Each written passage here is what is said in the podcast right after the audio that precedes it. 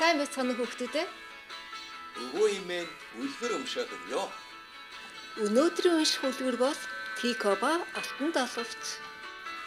Олон жилийн өмнө би Тико гэдэг нэртэй ижхэн шуутай тотонсон найзалдаг байлаа.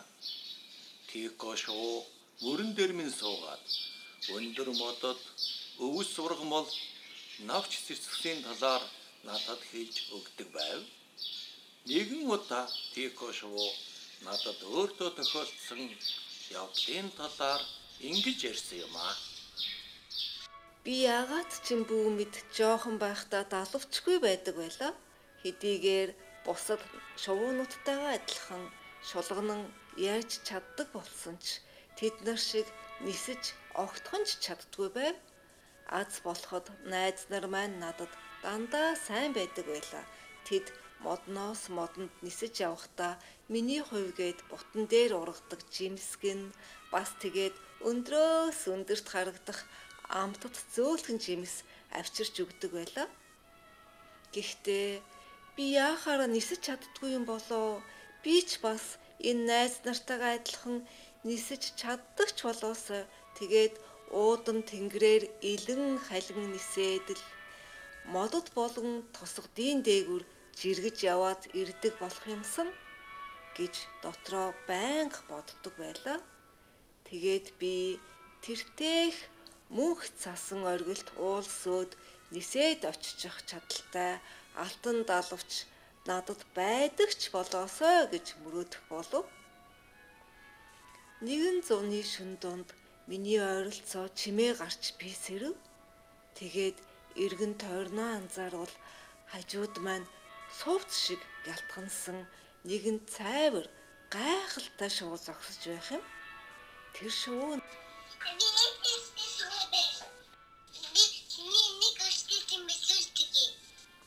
гэж над хэлв. Би өөрийнхөө мөрөөдлийг биелээсэ хэмээн бүх хүч чадлаараа хос алтан далавч, хос алтан далавч гэж хүслээ. Гинт гэрэл цацраад миний нуруунд дээр далавч, хос алтан далавч би болохыг би сарны гэрэлд харав. Нөгөө хүслийг биелүүлдэг шувуу оргүй алга болсон байлаа.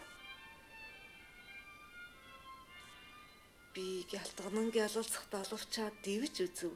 Сэтгэл минь маш их догдолж байлаа. Тэгээд нислээдээ бүр хамгийн өндөр модон дээгүүр нисэж үзв. Цэцгийн мандлууд тал дээрх шигтгээ мэт гоёмсог харагдана. Бас гол горигт тал дээр орхисон мөнгөн зүйлтний хэлхээ шиг үсгэлэнтэй сайхан харагдаж байлаа. Би туйлын баяр жаргалтайгаар дүүлэн халин нисэж явлаа. Гэтэл найз нар маань намайг өндрөөс нисэн бууж ирэхийг хараад ууртаагаар чи алтан хаа биднээс мундаг гэж байгаа юм байна. Чи биднээс өөр бай гэж боддог байсан байна. Гэт надтай өөр юу ч ярилгүйгээр нисэн одов. Найз нар маань яагаад намайг орхин явчих вэ? Яалаа гэж уурлсан юм болов? Найзуудаас өөр байна гэдэг буруу юм гэж үү дээ? Би хэдийгээр бүргэд шиг өндөрт дүүлэн халин нисэж чаддаг болсон ч дэлхий дээрх хамгийн үсгэлэнтэй далавч надад байсан ч найзууд маань намайг орхисон болохоор үргэлж ганцаардах болов. Нэгэн өдөр би жижигхэн амбаарынхаа өмнө овоорсон сагснууд дунд сууж байгаа хүнийг олж харав. Тэр хүн сагс хийдэг байжээ. Түүний нүдэнд нулимс цээлгэнэн харагдана. Би түүнд ойрхон мөчр дээр очиж суугаад та яагаад ийм гонигтай байгаа юм бэ гэж асуув. Оо жижигхэн шүү минь. Миний хүүхэд өвдөөд би ядуу болохоор хүүхдтэй ийм авч өгч чаддгүй. Би энэ хүнд тус болчих юмсан. Яйда байц гэж бодов. Тэгээд над нэгэн сайхан санаа төрлөө. Би түүнд би танд өднөөсөө өгье. Та үүнийг зараад им худалдаж авдаа гэв. Баярлалаа, баярлалаа. Баярснаа яаж ирэх хийх вүлээ? Химэн дуалдав. Тэгээд Ээ хүүхдийг минь чи аварлаа шүү дээ. Өө яана. Чи өдөө хардаа. гэж сандран хэлв. Миний нөгөө алтан үд байсан газар таасхаар торох шиг зөөлхөн жинхэнэ үд ургасан байлаа. Тэр өдрөөс эхлээд би баг багаар өдөө тараах болов. Ингээд алтан үдний минь оронд жинхэнэ үд хар өнгөтэй үд би болсоор байлаа. Би олон хүмүүст бэлэг өгсөн.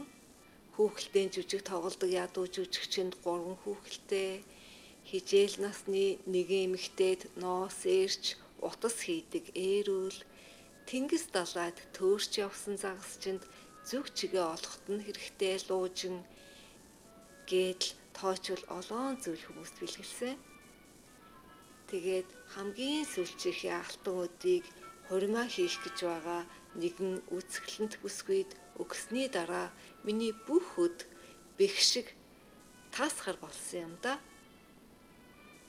Тэгээд би найзуудынхаа цуглардаг том од руу нисэн очлоо доо.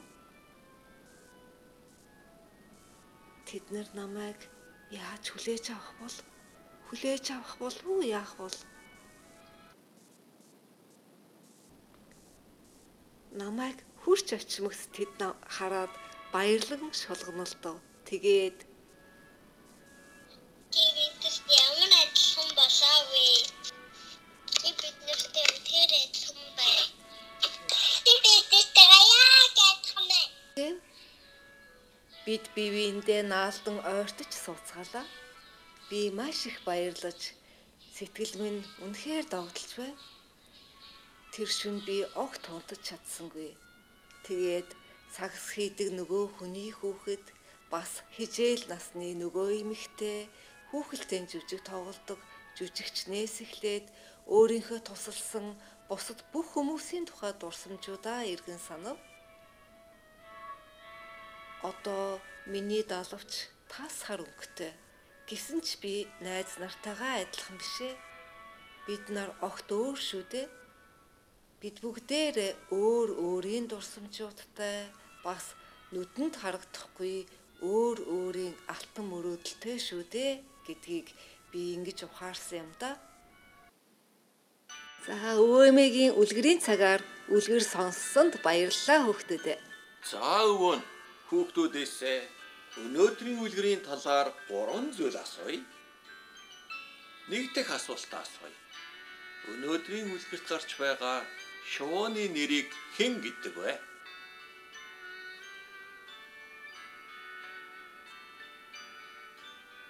Нэрээ тийм шүү дээ. Тико.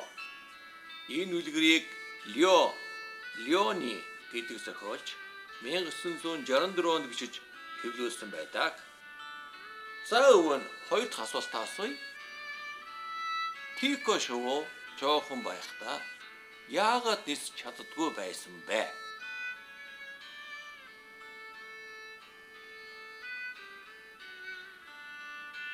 Зүйтэй Тико далбчгүй байсан шүү дээ. Далбчгүй болохоор яаж ч чадах вэ? Тэгээд тэр бос шуутай адил нисч үзэх юмсан гэж мөрөөддөг байсан тийм ээ. За, гурав дахь асуултаа асууя. Тико ямар далавчтай болсон бilé? Тийм. Алтан далавч шүү дээ. Тико шүү асар хүчтэй. Алтан далавчтай болоосой гэж мөрөөддөг байсан. Хэдийгээр Тикогийн мөрөөдөл нь биелсэн ч найз нар нь түүнийг өөрсдөөсөө өөр байна гэд гадуурхаад ганцаардуулдаг тийм ээ. Гэсэн хэдий ч үлгэрийн төгсгөл Тико аз жаргалтай болсон гэж энэ үлгэрт гарсан. Тико шувуу хүмүүст туслахын тулд алтан өдөө өгдөг тийм ээ. Тэгээд алтан өднийх нь оронд энгийн хар өдтэй болсон ч Тико хайр алтан өд минь гэж харамсаагүй. Харин ч бүх алтан өдөө хүмүүст туслахаар тараадаг. Тэгээд Тиког гаднаас нь харахад бусад шувуудтай адилхан болсон. Гисэн хэдий ч үнэн хэрэгтээ бүгдээрээ хоор хоорондоо өөр юмаа гэдгийг Тико ухаарсан байсан.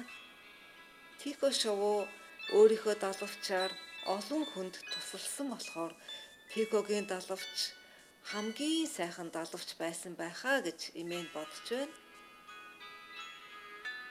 За ингээд өнөөдрийн үлгэрийн цагаа өндөрлөхөө. За тэгье. Хүүхдүүдээ өвөө эмээгээрээ өмшүүлмөр үлгэр байвал санал хүсэлтээ өгөөрэй. Өвөө эмээгийн үлгэрийн цагт оролцсон ач нартаа баярлалаа. Дараагийн үлгэрийн цагаар өвөө эмээгийнхээ уншиж өгөх үлгэрийг сонсорой хүүхдүүдээ. Дараагийн өвөө эмээгийн үлгэрийн цаг хүртэл төр баяртай хүүхдүүдээ.